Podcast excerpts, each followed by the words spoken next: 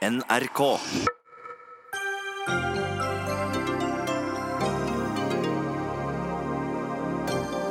Barack Obama er tilbake i manesjen for å gi demokratene en hjelpende hånd før mellomvalget i USA. I dag er den tidligere presidenten i Norge. Den svenske medieprofilen navnga sin påståtte voldtektsmann, til tross for at han aldri ble tiltalt. Han mistet jobben, nå kan hun bli tiltalt for ærekrenkelser. Et kraftig signal om at overgrepsofre er uten rettigheter, mener kvinnegruppa Ottar. Metoo-kampanjen gir ikke amnesti for rettsprinsipper, protesterer Aftenposten-redaktør. Og Bodø ville så gjerne bli Europas kulturhovedstad og ba Kulturdepartementet om 100 millioner kroner til hjelp. Men departementet avslo søknaden før den i det hele tatt var sendt.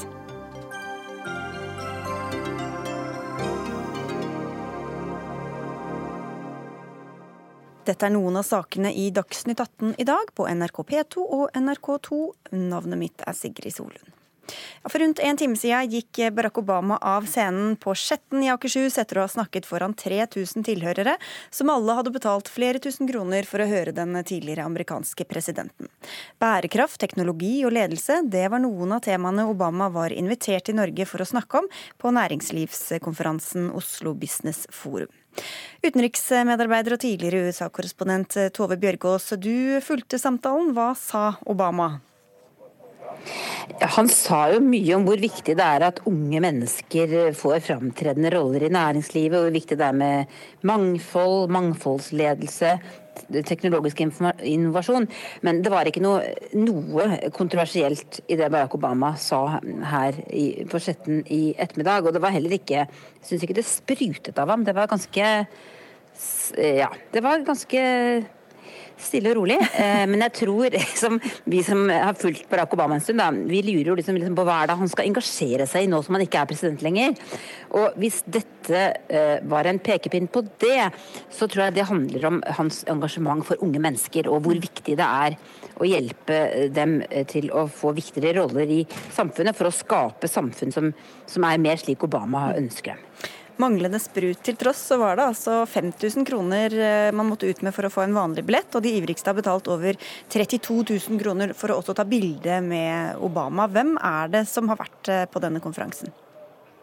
Det er jo folk fra næringslivet stort sett, og noen av dem har kanskje betalt selv, men mange har også blitt invitert hit av Eh, banker, jeg møtte investorer som hadde blitt eh, spandert på. Eh, og, de som er da ivrigst og ønsker å ta en selfie med Obama, de har da betalt mye mer.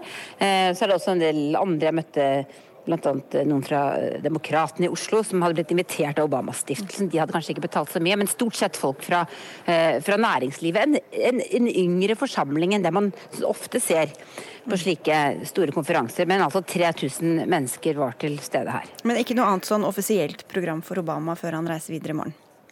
Det har vært utrolig lite informasjon rundt det. og Jeg vet ikke om noe annet han skal her i Oslo, men vi vet at han landet eh, her i morges, og at han skal videre til Helsinki etter dette. Og så skal han til Amsterdam. Mm. Og så var han visstnok i Danmark i går, så dette er en del av en uh, europeisk foredragsturné, som jo i grunnen er den første turneen til Europa for Obama etter at han gikk av som president. Han har bare holdt to eh, sånne events tidligere, en i, i Sør-Afrika bl.a., der han holdt et Mandela-foredrag.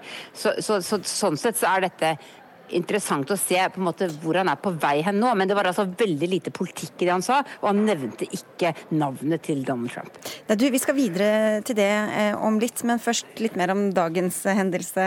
Eh, satiriker og USA-kommentator Erik Bergesen, hva var din forklaring på at han sa ja til å stille opp på akkurat denne næringslivskonferansen?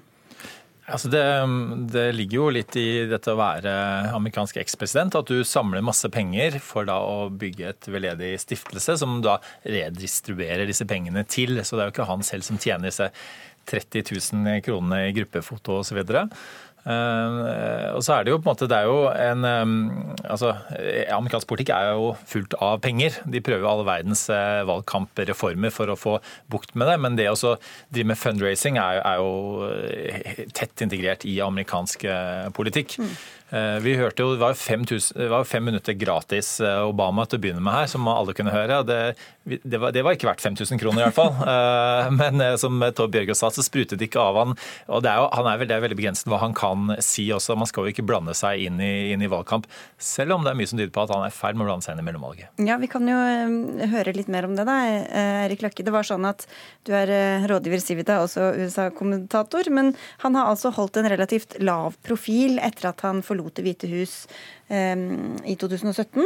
Og så gjorde han altså sin første politiske opptreden denne måned. Hva er din forklaring på at han nå gjør seg mer synlig? Eh, forklaringen er jo at han er opptatt av eh, USAs eh, fremtid. Og det er jo riktig at eh, ekspresidenter pleier å holde en veldig lav profil, og Obama er nok veldig bevisst på den rollen, men klart det er jo ikke normale tider i amerikansk politikk med Donald Trump som president.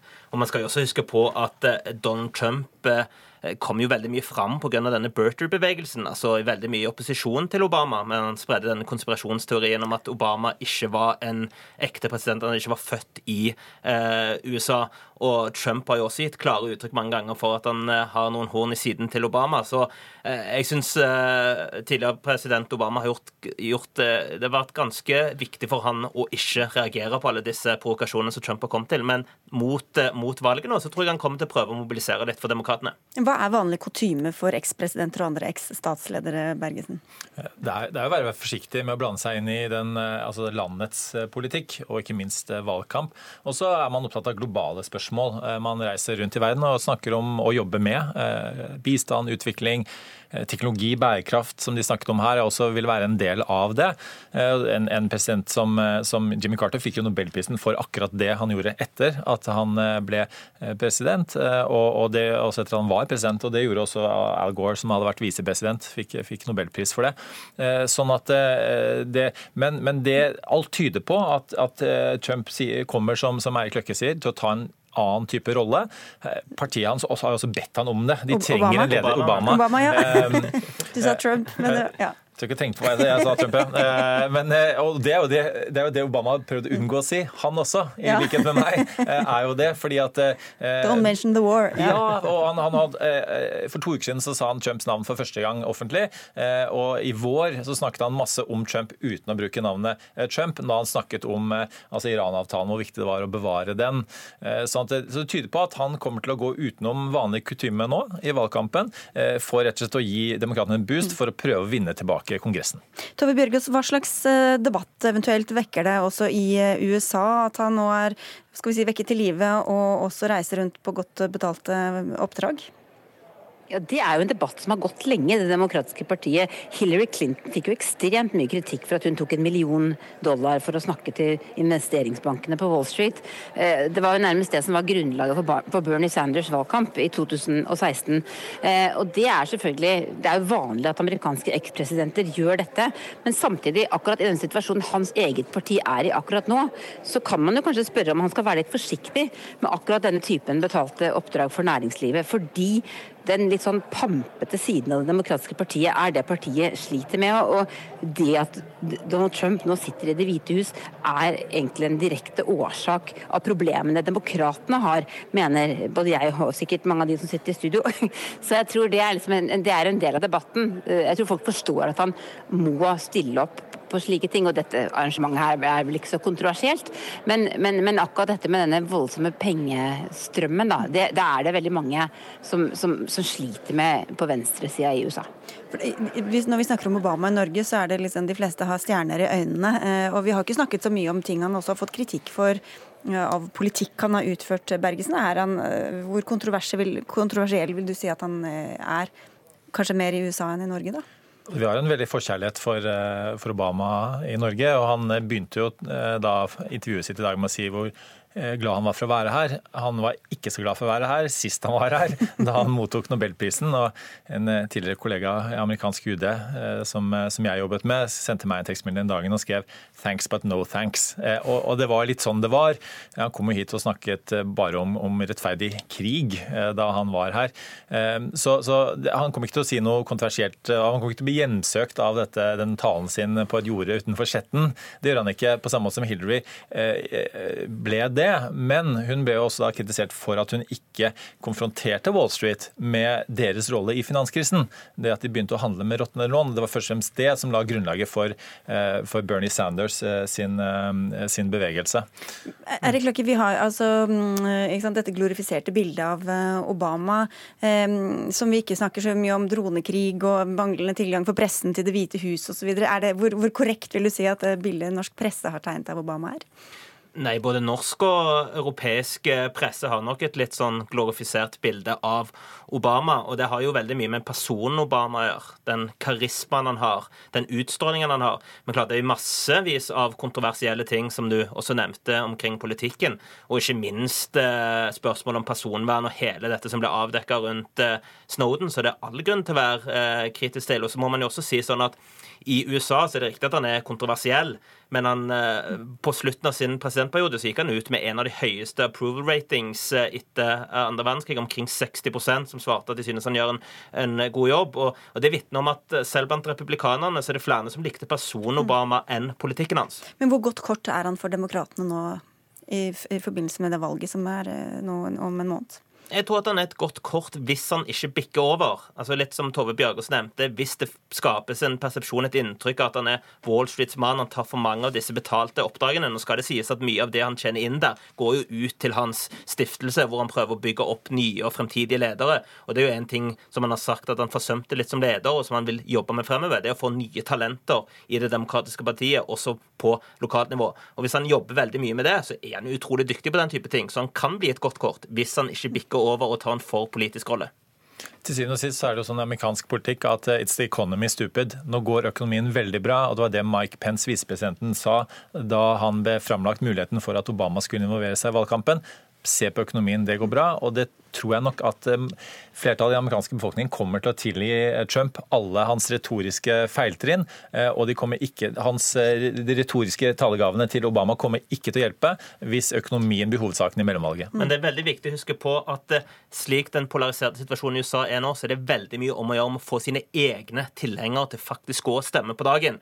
Altså, Spørsmålet er om Trump greier å få sin base fram, eller om Obama kan sørge for at demokratene i større omfang enn de f.eks. gjorde i 2016, faktisk går og stemmer. Og Det er derfor han er så opptatt i sine taler om å si nå må dere gå og stemme. Hvis ikke så er det personer som dere er veldig uenige med, som vil bestemme. Hvis vi ser på hvordan også Bush er blitt omtalt eh, de siste, ganske annerledes enn hvordan han ble omtalt mens han satt ved makten, så, så er det altså Det er lettere å være ekspresident enn å være president, men det ser ut som det går en grense da, Bergesen? Ja, men eh, la oss tenke oss ti år fram i tid. Det kan til og med være at vi ser på Trump litt sånn som han gjorde med Bush. Ja, var det så ille da, egentlig? Når eh, Donald Trump jr. blir presidentkandidat, så sier jeg at Eh, så var måte var det Donald eh, senior som var den smarte Trump. Så, så altså, det har vært mange mislykkede amerikanske presidenter før. Og Trump er utrolig nok ikke den verste. Vi kan nevne han som startet eh, borgerkrigen. Sånn at Trump kommer til å utrette en del ting som faktisk er bra for det amerikanske samfunnet. Sånn er det bare. Og basen hans de er rimelig lojale. Og som Donald Trump jr. sa nylig, det at Obama kommer og involverer seg i valgkampen, er bare bra for basen til Trump. Og i morgen så går, drar han altså til Helsinki. Takk skal dere ha for at dere var med i Dagsnytt 18, altså Eirik Bergesen og Eirik Løkke. Dagsnytt 18 alle hverdager klokka 18.00 på NRK P2 og NRK2. Metoo-kampanjen kan få et nytt etterspill i Sverige en av de kommende dagene. For svensk påtalemyndighet har varslet at den eh, snart og mest sannsynlig kommer til å ta ut tiltale mot medieprofilen Sissi Wallin. Hun var den som eh, navnga en annen eh, medieprofil, Fredrik Virtanen, i fjor, og sa at han hadde voldtatt henne i 2006. I 2011 ble saken politianmeldt og undersøkt, men henlagt. Under metoo-kampanjen i fjor la Valin ut navnet hans på sosiale medier og sa at det var han som hadde dopet og voldtatt henne den gangen. Flere andre fremmet anklager mot ham. Virtan mistet jobben han hadde i Aftonbladet, og så anmeldte han altså Wallin for ærekrenkelser. Og Ane Stø, leder i kvinnegruppa Ottar, hvilke signaler mener du det sender hvis hun nå blir tiltalt og også eventuelt dømt? Jeg mener at det sender et kraftig signal om at eh, overgrepsofre ikke har noen mulighet til å bli hørt eh, og få en oppreisning. Så må vi huske på at Bakteppet her er jo at eh, de aller fleste voldtekter og seksuelle overgrep blir jo aldri anmeldt. Vi skammer oss, vi tar på oss skylda, vi, ja, vi, vi prøver å dysse det ned. Og når vi først anmelder, så blir det veldig ofte henlagt. Og når vi først kommer til retten med det, så blir det veldig ofte at gjerningsmannen blir, blir frikjent. Til tross for ganske omfattende bevis. Så at Kvinners rettssituasjon er jo helt forferdelig dårlig på, på dette området. Uh, og da tenker jeg at ja, jeg vil hylle Sissi Wallin for at hun har gått ut med, med, dette navnet, og dermed forsøkt å gi seg sjøl en liten oppreisning. Og Hvis vi ser det i sammenheng med metoo-kampanjen, så om, antyder du i hvert fall overfor Klassekampen, og dette er ikke dine ord, men at kanskje mange får utløst en slags hevnfølelse dersom dette nå får konsekvenser. Hva tenker du på da? Nei, altså Hele metoo-bevegelsen eh, har jo på en måte rokka ved noen maktstrukturer som, eh, som har vært der eh, til, til, alle tider. Eh, det ble plutselig lov for overgrepsofre å si fra om hva man har opplevd, eh, og henge bjella på katten og si at denne mannen har begått overgrep mot meg. Eh, og ved å da straffeforfølge folk som tar mot til seg gjennom denne kraftfulle bevegelsen, så sier man jo at eh, kvinner eh, ja, skal være Altså vi skal være lydige, vi skal være stille. Og det er veldig urovekkende. Sara Sørheim, kulturredaktør i Aftenposten. Du sier tvert imot at det er positivt at Wallin er blitt etterforska for det hun gjorde. Hvorfor det, syns du? Fordi at eh, de lovene og de reglene vi har, de, eh, de gjelder eh, alle. Også de som på en eller annen måte har vært en del av metoo-kampanjen. Jeg har stor forståelse for at det er frustrerende at vi ser at det er vanskelig å felle og få fellelser i, i voldtektssaker. Og det er saker som ofte ikke fører, altså hvor anmeldelser ikke fører frem. Det, det er et problem. Det må man jobbe med. Men løsningen på det problemet er ikke å innføre en annen type domstol, en slags folkedomstol, hvor du, hvis du ikke vinner frem i en rettslig prosess, eh, at neste skritt da er å, å eh, kjøre en slags sånn annen type rettssak hvor du eh, outer, som dette på godt norsk, den du hevder er gjerningsperson. Da. Og, da, og det her er litt opptatt av at man skal holde tunga litt rett i munnen. Det er som sagt lett å ha sympati for mange av de kvinnene, men, men vi kan ikke lage egne regler akkurat for metoo-saker hvor rettsvernet ikke gjelder. For rettsvernet gjelder også for den som har blitt anklaget for denne typen kriminalitet. kriminalitet. Ja, jeg mener ikke at det er noe stort poeng at vi skal bruke noen sosiale medier til å oute folk. Eh, og altså, jeg tenker at uh, Hovedplanen må jo være at dette skal foregå i rettsapparatet der hvor det hører hjemme. Men vi hadde jo vår egen sak rundt dette Hemsedal-saken. Det var jo til og med før metoo-kampanjen satte i gang. Eh, og som fikk veldig mye støtte og fikk satt eh, på, på den norske politiske dagsorden hvor elendig rettssituasjonen er for, for, kvinner eh, på dette området. Og i det tilfellet så mener jeg at det var helt riktig av Andrea Wold Voldum å gå ut og oute de som hadde gjort dette. Vi fikk en stor bevegelse rundt det. Sånn det er ikke alltid en motsetning heller, altså mellom å oute og det å ta tak i både rettspraksis og hvordan det ellers eh, ja, er for kvinner. Ja, altså, men Det er en prinsipiell forskjell som er litt viktig mellom de to sakene. Den, eh, den saken du nevner nå, der, der, forelå det en dom, eh, men da har det vært en rettssak. Altså, saken har blitt prøvd for retten. Den er offentlig. Det er litt forskjell på å altså, Hun outet dem for en større offentlighet gjennom å, å skrive navnet til gjernings, de påståtte gjerningsmennene på Facebook, men, men, det navnet var jo allerede kjent som en del av rettssystemet. Når det gjelder denne saken i Sverige, Sissi Wallin versus Virtanen, så, så var jo ikke det kom aldri aldri til retten fordi saken ble henlagt. Og det mener jeg er en litt mer alvorlig form for å, å oute noen. Men med det bakteppet som Ane Stø tegner også, altså, som vi vet at det er veldig få saker som ender i retten, og enda færre hvor folk blir dømt. Hvilke rettigheter sitter da de igjen med som er overgrepsofre, eller, eller, sier at de er det, da, som, som ikke har noen mulighet for å liksom komme med sin historie, da? De samme rettighetene som alle andre sitter med. Altså er, eh, vi er et rettssamfunn. Det er mye som ikke er perfekt med vårt system. Eh, men man kan ikke lage egne eh, regler for noen deler av, av samfunnet noen typer kriminalitet. Jeg forstår frustrasjonen, men, men, det er også sånn at de som får disse anklagene mot seg, har også et, et vern. og En del av det samme, det samme rettssamfunnet. Og det, det, er litt viktig også av hensyn til metoo-kampanjen at vi holder tunga litt rett i munnen her her og forholder oss til eh, de lovene og reglene vi har. Derfor syns jeg det er bra eh, at denne saken blir prøvd eh, for retten nå. At man har en etterforskning og at man prøver å se om de påstandene Sissi Wallin kom med er ærekrenkende. Og det er ikke sikkert at den saken fører fram til en tiltale. Det vet vi ikke ennå. Men hva tror du det kan gjøre, eller hva frykter du det kan gjøre med metoo-bevegelsens ettermæle, så å si, dersom mange sånne saker Eller så, sånne type saker, da. Ja, altså, jeg er utrolig glad for at vi hadde metoo. Der er vi nok enige, vil jeg tro, Anne. Fordi jeg mener at den bevegelsen har betydd utrolig mye. Eh, jeg er litt bekymra nå for at man får et slags sånn eh, backlash. Eh, fordi hvis man ikke liksom følger spillereglene, hvis man kan med rette måte anklage de som har vært en del av metoo-kampanjen for å bruke alt fra skitne triks til uredelige eh, ting, eller til at man liksom ikke respekterer rettsavgjørelser, så kan det på sikt svekke liksom, troverdigheten til hele bevegelsen. Det er også sånn at det er heldigvis eh, mange som eh, blir hørt. Vi ser at det foregår forhåpentligvis en, en, en, en, Det er en fremgang også når det kommer til rettsvesenet, men det er der man må ta den eh, kampen. Man kan ikke liksom utenfor og ikke på sosiale medier. Så jeg er helt enig i at Det er viktig å ha et uh, høyt fokus på rettsvesenet. og Det er jo ikke sånn at kvinner har de samme rettighetene som alle andre uh, i samfunnet. Særlig når det kommer til voldtekt og seksuelle overgrep. Så ser vi at det skal veldig veldig mye til å bli trodd. Uh, og Jeg er òg bekymra for et backlash i metoo-bevegelsen. Men jeg tenker meg jo mer at det kommer ved at man parkerer kvinner, sier at deres historier tåler ikke å bli hørt i offentligheten. Vi tåler ikke å høre at menn som har begått disse overgrepene, blir stilt til ansvar ansvar. Eh, og det er det som Men man kan vel fortelle historien uten å peke på nøyaktig hvem det er? Ja, men jeg tenker Sissi Wallin har gjort mange kvinner en stor tjeneste ved å oute denne fyren. Altså, han har jo åpenbart eh, gått rundt og, og dopa ned og voldtatt flere kvinner.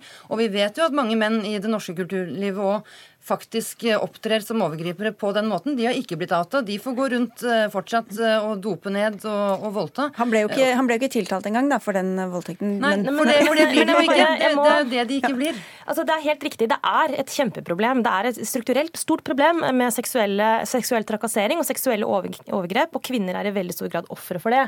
Men vi må liksom, som jeg sa i stad, holde tunga litt rett i munnen. Vi vet faktisk ikke eh, hva Fredrik Virtanen kan og skal ha gjort. Det er ord mot ord. Det er ikke bevist. Og så kan man jo føle hvem man har sympati med. Man kan kanskje tro mange ting. Men det er altså sånn at uh, det finnes ingen dom her. Og vi, vi, vet ikke, vi som sitter her, vet faktisk ikke uh, om det stemmer at uh, han har voldtatt henne. Tror du automatisk, fordi at hun kvinne som forteller dette, så tror du automatisk at det hun sier er sant? Det er jo ingen som står fram som voldtektsoffer for moro skyld. Det er jo ingen som skriver navnet på voldtektsforbryteren for moro skyld eller en eller annen uh, syk idé. Det er jo fordi man har opplevd en, en krenkelse som, uh, som, man prøver å reise seg fra. Det, Selv om ikke det er et stort problem, så finnes det jo falske voldtektsanklager. Hvem som helst kan jo skrive at dette har skjedd med meg. Problemet med falske voldtektsanklager er jo veldig minimalt i ja, forhold til hvor mange faktisk overgripere men, som, som, slipper unna. Men, men prinsipielt så, kan man jo, så mener du at man bare Hvis noen sier det, dette har skjedd med meg, og det var han som gjorde det, så må man bare stole på det? Altså, Da mener jeg at rettsvesenet skylder en bedre etterforskning og en bedre innsats enn en, en det som skjer i dag. Ja, Og når det gjelder det å skrive på sosiale medier, så er jo det andre eh, altså det, det, er jo ikke de samme reglene som i rettsapparatet. Det eneste måten voldtektsforbrytere mm. egentlig kan få en rettssikkerhet på, sånn sett, det er jo at det blir behandla i rettsapparatet. Der har de eh, alle mulige slags eh, rettigheter. Jeg vil bare legge til da at eh, i, i Norge har metoo etter, etter mitt syn fungert mer konstruktivt enn det har gjort i Sverige, nettopp fordi vi ikke har hatt de sakene hvor folk har blitt outa på den måten. Og det er mulig å forandre systemet også uten å gå til det skrittet. Og det tror jeg, det, Der er vi for så vidt enige, vil jeg tro, jeg og Ane Stø, i at eh, det er det all grunn til å jobbe for. Men det er bare metodikken vi er uenig i. Ok, Vi avslutter med den enigheten, så får vi se hvordan det ender i, i Sverige. Og si tusen takk til begge to for at dere kom. Ane Stø fra kvinnegruppa Ottar og Sara Sørheim, kulturredaktør i Aftenposten.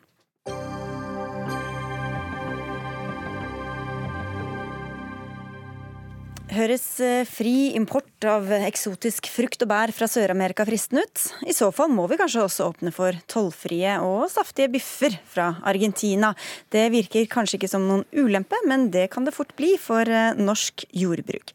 Nå forhandler eh, Norge og resten av EFTA-landene med de såkalte Mercosur-landene, Argentina, Brasil, Paraguay og Araguay, om Uruguay, mener jeg, om en frihandelsavtale. Ifølge Nasjonen har forhandlingene møtt motstand både i EU og i Norge. Og næringsminister Torbjørn Røe Isaksen, hvorfor er en sånn frihandelsavtale viktig for Norge? Den er viktig fordi at Mercosur-landene, Brasil f.eks., er svære markeder. Og vi har lyst til å selge sjømat til dem, vi har lyst til å selge kjemiske produkter til dem. Vi har lyst til å selge maskiner og utstyr til dem, fordi at det er bra for arbeidsplasser over hele landet. Det er jo ikke i Oslo-gryta eksportbedrifter som dette her ligger, for å si det på den måten. Men hva er det vi da må importere, som vi kanskje ikke har så lyst til for å få eksportert dette her, da? Sannheten er at det vet vi ikke ennå.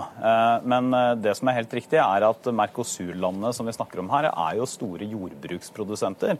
Så det de vil ønske, er jo at Norge skal åpne for mest mulig import av mat- og jordbruksprodukter fra dem. Men, men det, er jo, det, er jo, det vi sitter og forhandler om akkurat nå. Og så Fra norsk side så er det sånn at vi har, sammen med andre EFTA-land, bl.a. Sveits, har en klar interesse av å opprettholde og beskytte norsk landbruk. Eh, mandatet som regjeringa har gitt dem som sitter og forhandler, er innenfor det som heter importvernet som vi har i norsk landbruk. Og det er også sånn at Den avtalen vi kommer fram til til slutt, den må jo kunne stå seg i Stortinget. Og da benytter dere anledninga underveis nå i disse forhandlingene, Sigbjørn Gjelsvik, eh, finanspolitisk talsperson for Senterpartiet, og sitter også i Stortingets delegasjon til EFTA og EØS, til å rope varsku og advare mot eh, fri import av jordbruksvarer fra Sør-Amerika. Ja, Det er absolutt eh, grunn til, for dette er jo noen av de største landbruksproduserende land i verden. Altså Bare kjøttproduksjonen i de landene her, altså 100 ganger så stor som i Norge. Og Skal vi ha et levende landbruk i Norge, skal ivareta eh, næringsmiddelindustrien, som den største fastlandsindustrien som vi har, ja, så er det viktig å ha et effektivt tollvern. Det som gjør oss bekymra, er jo at vi har en regjering som er veldig lite presis på hva en egentlig går inn i disse forhandlingene med. Men vi vet de har en regjeringserklæring som sier at en skal aktivt jobbe for frihandel, og en skal redusere tollvernet i Norge.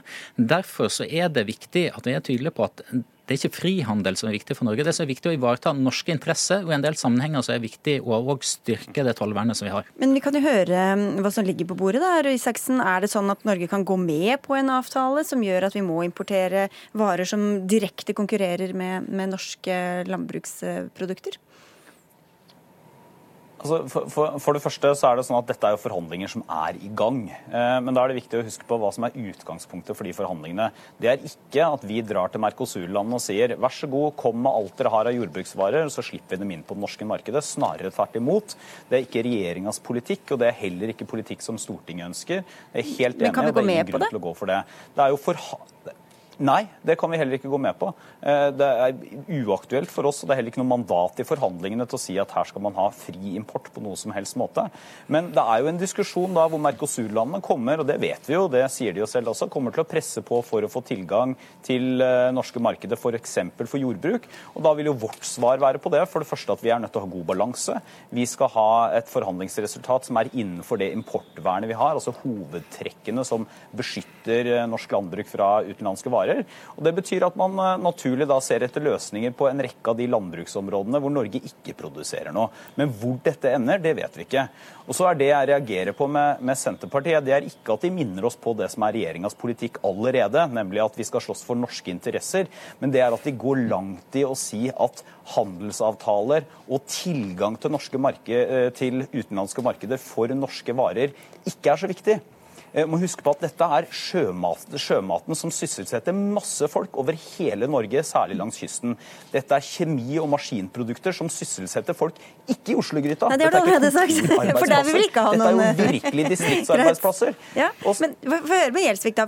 Bare helt, sånn, uh, helt praktisk her. Er dere for mer eksport med at Norge skal få åpne nye markeder?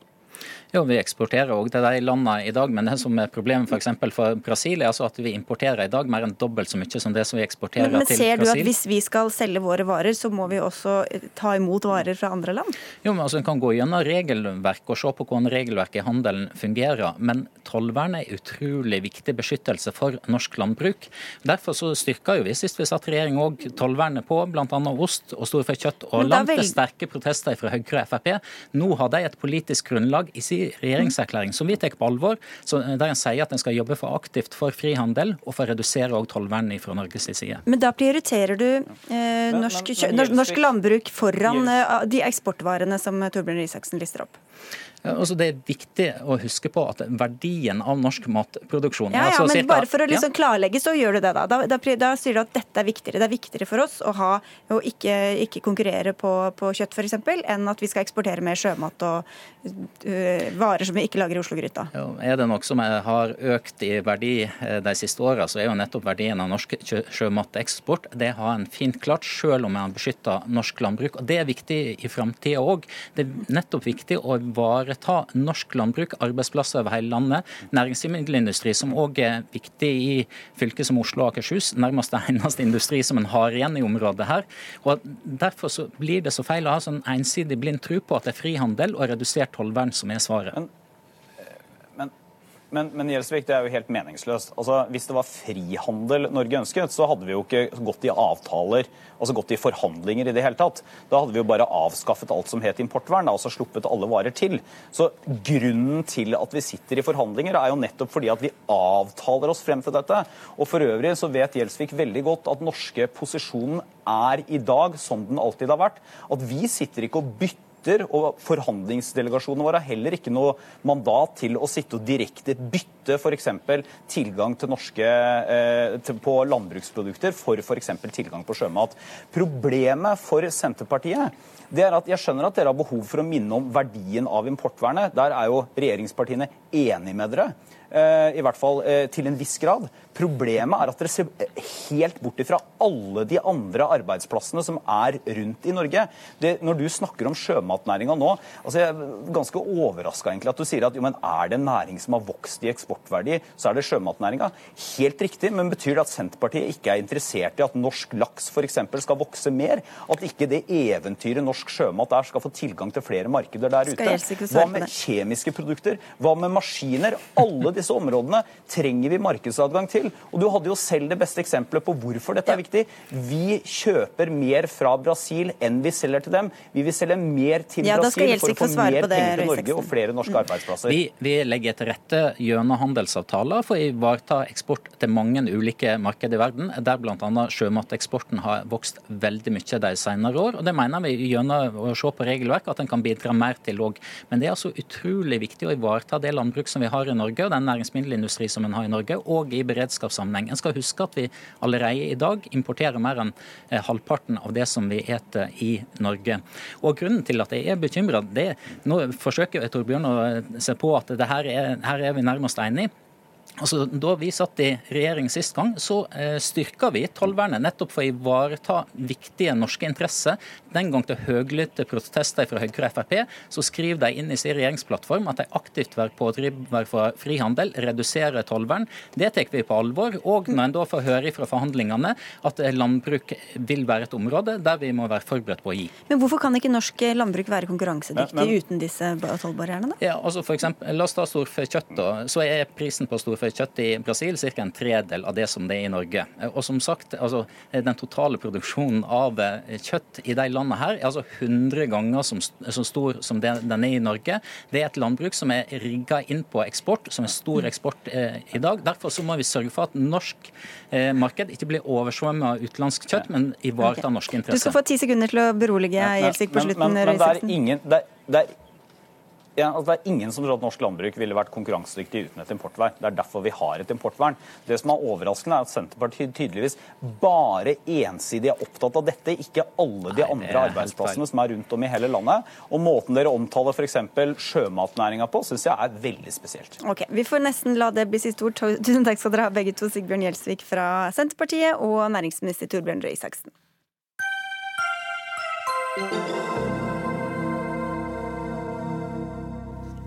Hvert år betaler norske husstander rundt 9000 kroner i snitt for vann- og avløpstjenester. Disse pengene går til eh, kommunen, som har ansvar for at du får vann hjem, og for at avløpssystemet fungerer som det skal. Men brukes pengene effektivt, og er du klar til å betale mer i årene som kommer? Dette er temaer som dere har engasjert dere i. Morten Andreas Meyer, du er generalsekretær i eh, Huseiernes Landsforbund. Dere er bekymra for en avgiftsvekst på disse områdene. Hvorfor det? Ja, Vi i Huseierne er en uavhengig forbrukerorganisasjon for alle som eier eget hjem i Norge. Og vi er naturligvis opptatt av hvordan bokostnadene for eh, boligeiere utvikler seg. Og vi har dokumentert uh, gjennom en uh, bokostnadsindeks at uh, de kommunale avgiftene fra 2010 til, to, nei, fra 2000, jo, fra 2010 til 2017 Avgiftsutviklingen er dobbelt så høy som prisstigningen for øvrig. Vann og avløp er inkludert i det. Og så vet vi også at på vann- og avløpssiden så er det store investeringer som skal gjøres i tiden fremover. Det er det landets boligeiere som skal betale for. Og da etterspør vi eh, en regulering og et regime som gjør at vi sikrer en effektivitet i den sektoren. Og det regimet finnes ikke i dag. Altså Dere mistenker at det er en ineffektivitet i, ja, det er hos kommunene? Sikre, det er vi helt sikre på. Eh, det systemet hvor du kan velte alle i et naturlig monopol som vann og avløp er, du kan velte alle kostnadene over på brukerne. Det premierer ineffektivitet, og derfor ønsker vi å gjøre noe med det. Det må du få svare på, Toril eh, Hofshagen. Du er direktør for Norsk eh, Vann. Hvordan kan vi stole på at, dere er eller på at kommunen da, og vannverkene er, er effektive? Kommunene har en veldig viktig jobb med å produsere disse helt avgjørende vann- og avløpstjenestene som vi alle trenger. og eh, vi ser jo at det er underfinansiert, det arbeidet i dag, eh, som du sa. Eh, det er bare om lag 20-25 kroner døgnet som en gjennomsnittlig husstand i dag betaler i vann- og avløpsgebyr. Og vi vet jo at det er behov for å investere 280 milliarder kroner nå frem til 2040 for at kommunene skal løse utfordringene med klimaendringer, med befolkningsvekst, med strengere kvalitets- og sikkerhetskrav, og ikke minst for å komme à jour med et vedlikeholdsetterslep på det omfattende vann- og avløpsledningsnettet. Så kommunene er selvsagt opptatt av å gjøre det her mest mulig kostnadseffektivt for huseierne, men vi er faktisk på etterskudd med investeringene her. Men så ser vi at det er store kommunale forskjeller fra 13 000 i, en, i Vang kommune i Oppland til eh, Oslo som betaler 5000 kroner. Eh, hva sier disse forskjellene, om ikke det også har noe med effektivitet og ulik effektivitet å gjøre? Gebyrene vil alltid variere fra kommune til kommune, for det er så avhengig av de lokale forholdene. Og den viktigste faktoren for de gebyrforskjellene du nevner, det er jo hvor mange husstander du har per meter ledningsnett. For det er jo kostnaden på ledningsnettet som særlig drar opp gebyrene. Og I tillegg er det naturgitte forskjeller i hvor mye du må rense drikkevannet, hvor mye det må pumpes, og hvor mye avløpsvannet må renses. Og hvor mye kommunen har investert historisk tidligere. Så her vil det alltid variere, og det er naturlige grunner. Det er helt riktig at det er noen naturlige årsaker til at gebyrene varierer. Men utfordringen er at verken Toril Hofshagen og Norsk Vann eller norske kommuner kan dokumentere noe som helst om hvordan de bruker pengene smart og effektivt på vegne av oss som har betalt inn for å få vann- og avløpstjenester. Det finnes ikke noen systemer som gjør at vi kan fortelle at den ene kommunen er bedre enn den andre. Og Det er det vi peker på når vi skal øke investeringene med 280 milliarder kroner, så må vi som boligeiere og forbrukere være trygge på at de pengene blir brukt smart og effektivt. Og så reagerer jeg ganske kraftig på regnestykket til Toril. 25 kroner dagen høres så lite ut. For en vanlig familie så er det 9000 kroner. Og Norsk Vann sier selv at det blir doblet i løpet av få år til 18 000 kroner, pluss ordinær prisstigning. Det er verdien av tre-fire ukers lønna arbeid for en helt vanlig norsk familie. Så det, det, det er store beløp vi snakker om, og da syns jeg det er helt betimelig å stille spørsmål om kan vi være sikre på at de pengene blir brukt smart, riktig og effektivt? Og det kan ikke norske kommuner og Norsk Svann svare på. Det er vårt kritiske spørsmål. Ja, og Hvor transparent er det egentlig? Det er transparent. Alle kommuner rapporterer inn både pris og kvalitet på tjenesten årlig til SSB, som også huseierne bruker i sin bokostnadsindeks. Vi har også et benchmarking-system eh, som dekker tre millioner av innbyggerne i dag med vann- og avløpstjenester. Det er 70 norske kommuner som deltar på den benchmarkingen, og den er frivillig. Vi kunne gjerne hatt med flere kommuner, men de dekker tre millioner innbyggere, og der er det ganske omfattende datamateriale. Og I tillegg så kan jo den enkelte kommune svare veldig godt for sine innbyggere hva prisen er, og hva kvaliteten er, og hvordan pengene brukes. Men jeg har lyst til å skyte inn eh, Vi er jo opptatt også av å holde gebyrveksten nede, selvsagt. Og det jobbes med å utvikle smartere løsninger som gjør at vi helt sikkert vil komme billigere ut enn dagens estimater. Fordi det er utvikling nå av altså utnyttelse av ressursene i avløpet som en inntekt. Det er eh, mer eh, altså gravefrie ledningsfornyelser som kan spare ledningskostnaden med 30% Så her jobber jo bransjen systematisk med eh, utviklingsarbeid og smarte løsninger som vil trolig dempe gebyrveksten. Men, men dere har fortsatt ikke et verktøy som kan fortelle oss som betaler for disse tjenestene, men hvilke indekser, hvordan skal det liksom dokumenteres? Hvordan skal kommunen si så ja, så effektivt vi, vi har, er anbefalt, vi, har, vi har anbefalt følgende steg. Det første er at du faktisk rapporterer på sammenhengen mellom ressursbruk, kvalitet og oppnådde resultater, og sammenligner det kommuner imellom. Det vil kunne være god, et godt førstesteg for faktisk å hjelpe de kommunene som ikke løser oppgavene smart, Men er det sammenlignbart når, når, du hører hvor ulike utgangspunkt de forskjellige kommunene har? Men uh, det er laget gode rapporter om hvordan du kan lage den type systemer. Sintef laget et stort utredningsarbeid for Kommunal- uh, og regionaldepartementet i 2004 som viser hvordan du kan lage gode sammenligninger mellom kommuner som i utgangspunktet er ulike. Det er steg én. Så vil vi tro at det er mulig å se til Danmark, som har hatt akkurat samme utfordring som vi har i Norge. Som har gått vekk fra det som heter selvkost, eh, som i mine øyne og våre øyne premierer ineffektivitet, til å definere et inntektstak. Ikke et likt gebyrnivå for alle kommuner, men du går inn og regulerer hvor mye en kommune kan få lov til å ta for en tjeneste. Det fremmer smarte løsninger, effektivitet og en nødvendig strukturendring i en bransje som trenger det. Hvilke, hvilke, eh, hvilke insentiver har en kommune egentlig til å være mest mulig effektiv og innovativ, sånn som systemet er i dag? Det er jo kommunestyret som er regulator i dag. Det er kommunestyret som vedtar nødvendige investeringsplaner, og også hva gebyrnivået da skal være for innbyggerne i kommunen for å finansiere denne tjenesten som lages til selvkost, og som ingen tjener noe på i dag.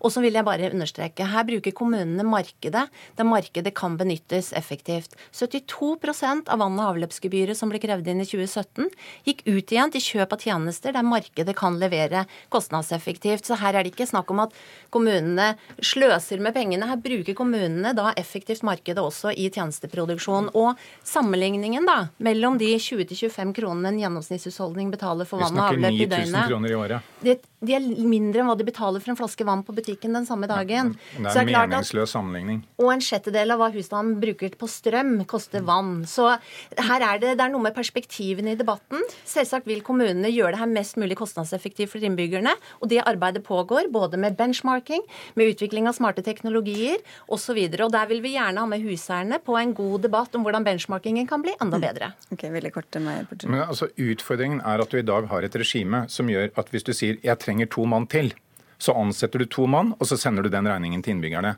Det er systemet i dag. Det er ingen stimulans og motivasjon til å jobbe smart, effektivt og gjøre nødvendige strukturendringer. Det er det vi utfordrer KS på, det er det vi utfordrer Norske Vann på. Dere, takk skal dere ha for at dere kom, begge to. Morten Andreas Meyer, generalsekretær i Huseierne, og Toril Hofshagen, direktør for Norsk Vann. Hør Dagsnytt 18 når du vil. Radio NRK Radio.nrk.no.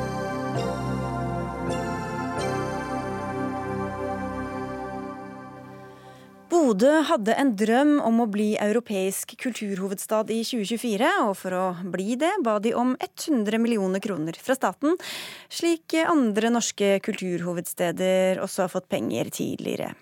Det fikk de avslag på i går, med en begrunnelse fra Kulturdepartementet om at søknaden ikke var god nok.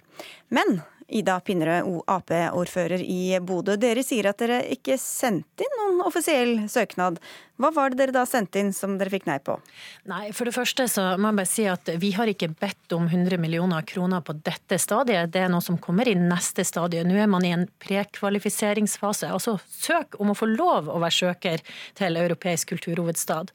Eh, og det har eh, statsråden da sagt nei til, noe som er veldig synd, fordi at det her er jo et eh, kjempestort nordnorsk prosjekt som samler hele Nord-Norge med støtte fra hele landet, og som har skapt stor entusiasme lokalt, regionalt, men også nasjonalt og utenfor landets grenser. Så eh, vi syns det er ganske uforståelig at man velger å avslå et eh, prosjekt og en søknad som man ennå ikke har sett. Ja, fordi, Men fortell da, hva er det dere har sendt inn som ikke var en søknad, men som dere likevel fikk eh, nei på? Ja, Vi har ikke sendt inn noe annet ennå enn at departementet eh, ba om et underlag, altså noe som de kunne se på i juni. Og det var et underlag som de var veldig klar over ikke var i nærheten av å være det faglige grunnlaget å selge søknaden, og i alle fall ikke finansieringsplanen, som kommer i neste runde, altså i 2020. 2019. Eh, og nå har vi sittet og jobba masse gjennom alle disse månedene etter at EU eh, stilte sine spørsmål som vi skal svare på. Eh, vi legger siste handa på verket nå i disse dager. og og søknaden går i trykken i morgen. Og planen var jo at statsråden også skulle få den samla søknaden, men vi kommer til å sende den til EU allikevel. Kulturminister Trine Skei Grande, hvorfor ga dere da avslag før dere fikk den offisielle søknaden? Ja, nå er det, Jeg skjønner at Bodø er skuffa, men jeg er ganske forundra over argumentasjonen knytta til det. Eh, Bodø ba i april om oss om å få et eh, møte for å legge fram sine planer om kulturhovedstad. I det møtet så fikk vi en klar beskjed om at innen 10. oktober så måtte de ha et svar om dette var noe vi kunne gå inn i økonomisk, eller om dette var en, en, søknad vi ikke kom til å stille oss bak. Da ba vi om å få oversendt eh, søknaden sånn som den da forelå, få all informasjon for å kunne foreta den type vurdering. Eh, det sa Bodø ja til, og de sendte over all den informasjonen de da har, og ba oss om å vurdere dette innen 10.10. Den avgjørelsen har vi da prøvd, Den fristen som Bodø satte oss, har vi prøvd å nå. Eh, vi har gått gjennom det som ligger i bordet til nå, og vi har hatt to innvendinger. Det ene er at vi syns at de må jobbe mer med søknaden, så vi oppfordrer dem til å, til å kanskje utsette eh, to år og søke på nytt igjen.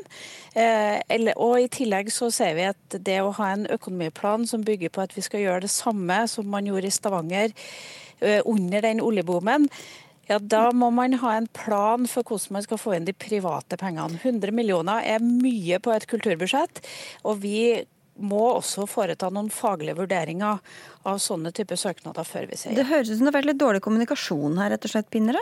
Ja, og det er jo kanskje det som bekymrer meg aller mest. Det er jo den dialogen eh, som det ser ut til at man legger, legger seg på eh, fra departementet. Fordi at eh, jeg var i det samme møtet og, og sa for så vidt de tingene jeg sa. og tenker at, jeg, jeg tenker at vi har, Det er åpenbart noe som er misforstått i dialogen her. Og det, og det har jeg bedt om et møte om med statsråden, og det håper jeg at vi kan ta en, en dialog om. For hvis det er misforståelser som ligger til grunn, så håper jeg virkelig at man kan se på dette ja, men, på nytt. Er det noe så, av det Trine Skei Grande sa nå som du ikke er enig i virkelighetsbeskrivelsen av? Ja, vi har ikke stilt noe krav eh, om å få en beskjed før 10.10. Det vi ba var om en avklaring på hvilken prosess departementet så for seg eh, at man skulle legge opp til. Og Det har vi bedt om en avklaring på over tid. Eh, Omsider fikk vi da det møtet i april, som vi var veldig glad for at vi endelig fikk, sånn at vi kunne komme i dialog med departementet om hvilken prosess man så for seg.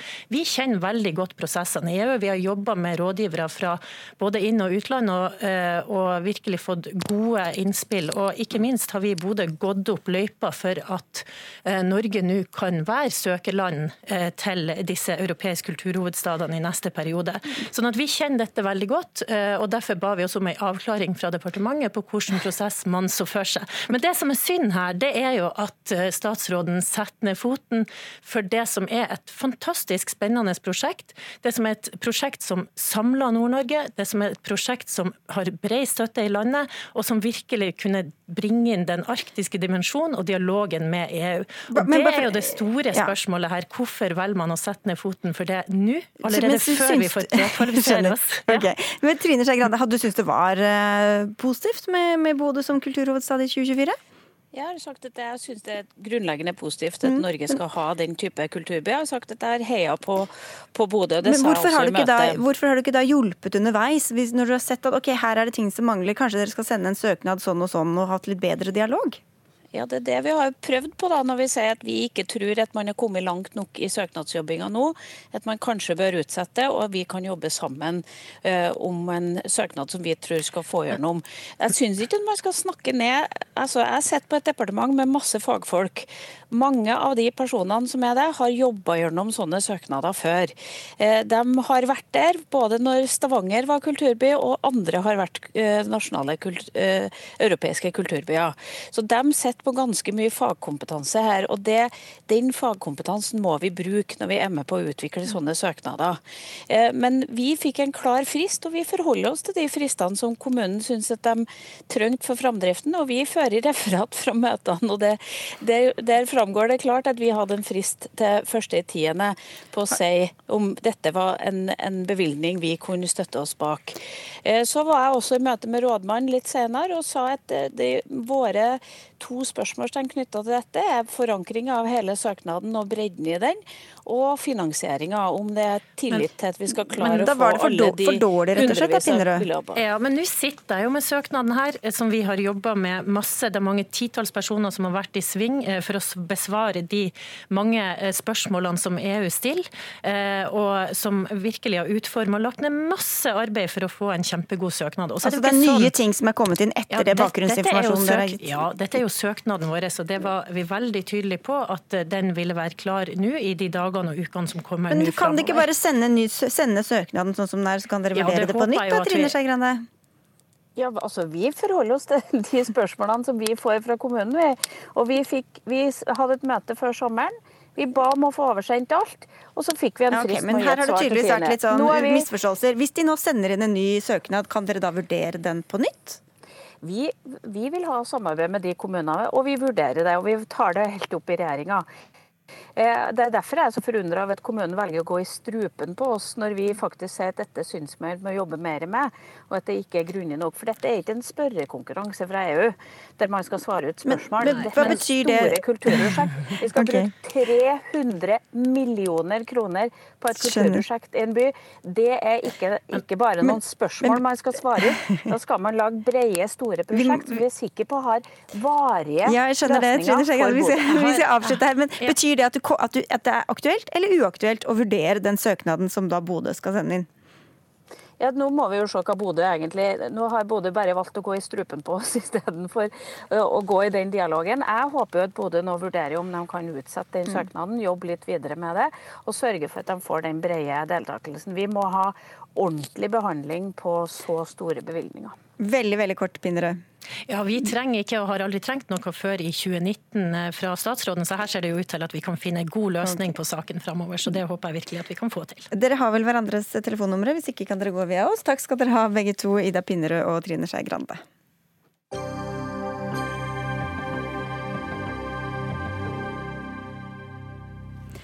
Det er bare å forberede seg. Nå er lange kolonner med militære kjøretøy på veien på Østlandet. I neste måned starter den største Nato-øvelsen på norsk jord siden den kalde krigen. Flere enn 40 000 deltakere fra over 30 nasjoner skal øve på krig i Norge. Gigantøvelsen heter eh, Trident Juncture og vil foregå fra Østfold i sør til Nordland i nord. Både SV og Rødt er kritiske til øvelsen og etterlyser en ny debatt om Norges sikkerhetspolitiske organisasjon orientering, og det har de fått. For i Klassekampen eh, skriver du, Hårek Elvenes, eh, Høyres forsvarspolitiske talsperson på Stortinget, at SV og Rødt vil svekke Norges sikkerhet. Men hvorfor er norsk sikkerhet avhengig av denne øvelsen vi skal få her? Eh, norsk sikkerhet er avhengig av Nato. Vår sikkerhet består av vårt nasjonale forsvar og vårt medlemskap i Nato-alliansen. Eh, skal eh, Nato ha noen, noen, som helst mulighet til å kunne eh, stille opp for Norge, så sier det seg selv at da må også Nato-styrkene øve sammen med det norske forsvaret. Det har det vært tradisjon for helt siden Nato ble etablert etter krigen. Så denne, Nato-øvelsen som skal skje i disse dager, er jo langt på veien er jo ikke en ny øvelse. Det er jo en tradisjon som vi, som vi viderefører. Det som vil svekke Norges sikkerhet, det er jo faktisk Rødt og SV sin politikk om reduserte forsvarsbudsjett og trekke Norge ut av Nato, det vil svekke Norges sikkerhet og bringe en helt ny sikkerhetspolitisk situasjon på banen. Det var den generelle Nato-debatten, egentlig. da. Vi har vært i kontakt med SV i dag. De kunne ikke stille. Men eh, Marianne Gulli, internasjonalt ansvarlig i partiet Rødt, du er med oss på telefonen fra Steigen i Nordland, som altså er det nordligste fylket der Nato-soldatene skal øve. Hvordan mener du at denne øvelsen påvirker Norges sikkerhet? Eh, jeg, vi mener jo at eh, en øvelse i seg selv ikke nødvendigvis er det som svekker en sikkerheten, men at øvelsen ikke kan ses i et vakuum. USA og Nato har lenge drevet en storstilt opprustning og militarisering mot Russlands grense, og man ser hvordan Nato både nærmer seg Russland og sirkler inn Russland. Og det å ha en øvelse så langt nord og så nær Nato-grense, som ikke bare skal skje nord i Norge, men også trekke inn to eh, tidligere nøytrale land, Finland og Sverige, som lenge har levd godt med å ikke være en del av Nato, og også i Østersjøområdet, eh, så både trekker vi Nato mot Russland, og også stiller oss i en ganske pågående og aggressiv rivalisering mellom de to stormaktene. Elvenes. Ja, For det første så skal jo eh, øvelsen skje på Østlandet og i Midt-Norge. De landmilitære styrkene de vil ikke operere lenger nord enn faktisk 1000 km fra Russlands grense. Da skal sjø- og luftstyrkene øve litt lenger nord, men det er jo helt feil å fremstille dette som en aggressiv øvelse mot Russland. Dette er snakk om å Tror du russerne kan se på det på den måten? Eh, Russland vil alltid se på Nato-øvelser på norsk jord som en form for provokasjon mot Russland. Det er en del av den russiske måten å se det på, og den russiske retorikken. Men hvis man ser hva Russland har gjort i det siste, så er det øvelser av, av en helt annen format. F.eks. øvelse Zappad i fjor, som var 100 000 soldater ganske nær Norges grenser. Og en, og en pågående øvelse nå som kanskje også er svar på den øvelsen vi skal ha i Norge, eller? Ja, du tenker på øvelse Vårs Vostok som foregår i de østlige deler av Russland, som også Kina deltar i. Jeg vil ikke koble disse øvelsene mot hverandre. For faktum er jo at denne Nato-øvelsen har vært planlagt i mange år. Den har vært annonsert, og det vil være russiske observatører med på øvelsen som kan observere hva som skjer.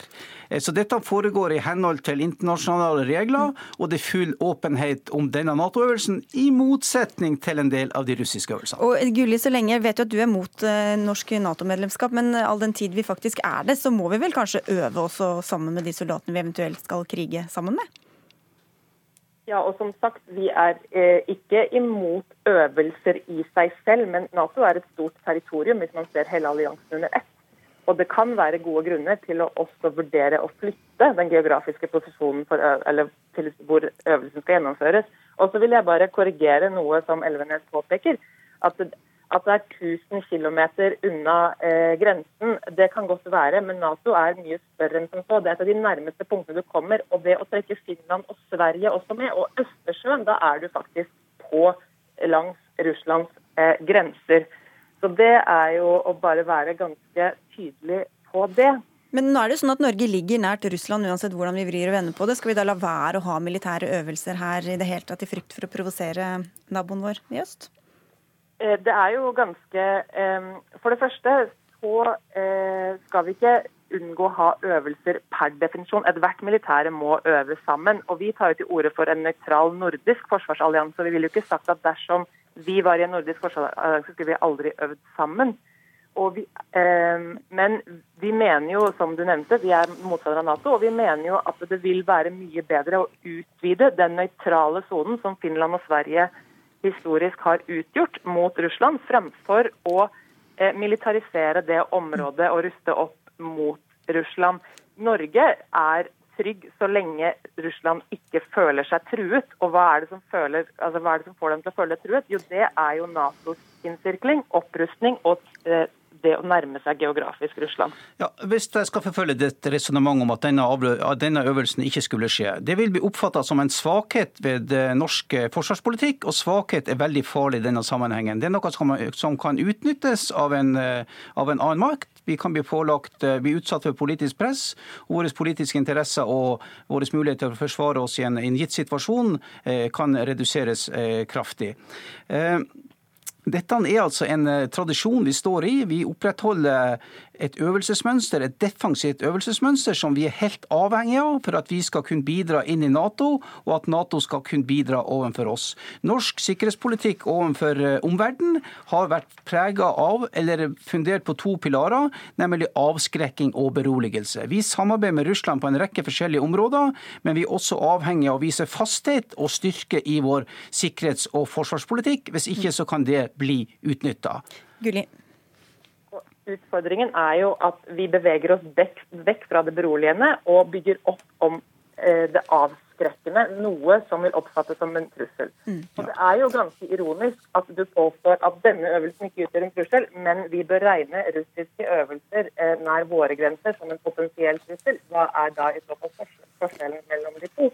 Vi kan jo bare vise til den mediedekningen som var av den pågående eller den nylig avsluttede øvelsen i Russland. Ok, Ti sekunder på dampen, Elvenes. Rødt må jo ta inn over seg Norge sin strategiske beliggenhet, der vi ligger mellom to stormakter. Det er vel lite sannsynlig at eh, Russland er interessert i å angripe Norge, men vi kan bli dratt inn i en stormaktskonflikt fordi at Russland har en egeninteresse av eh, faktisk store deler av det nordnorske territorium og kontrollere Norskehavet for å kunne beskytte sine atomvåpen, som er helt avgjørende i deres bastionforsvar. Ok, takk skal dere ha.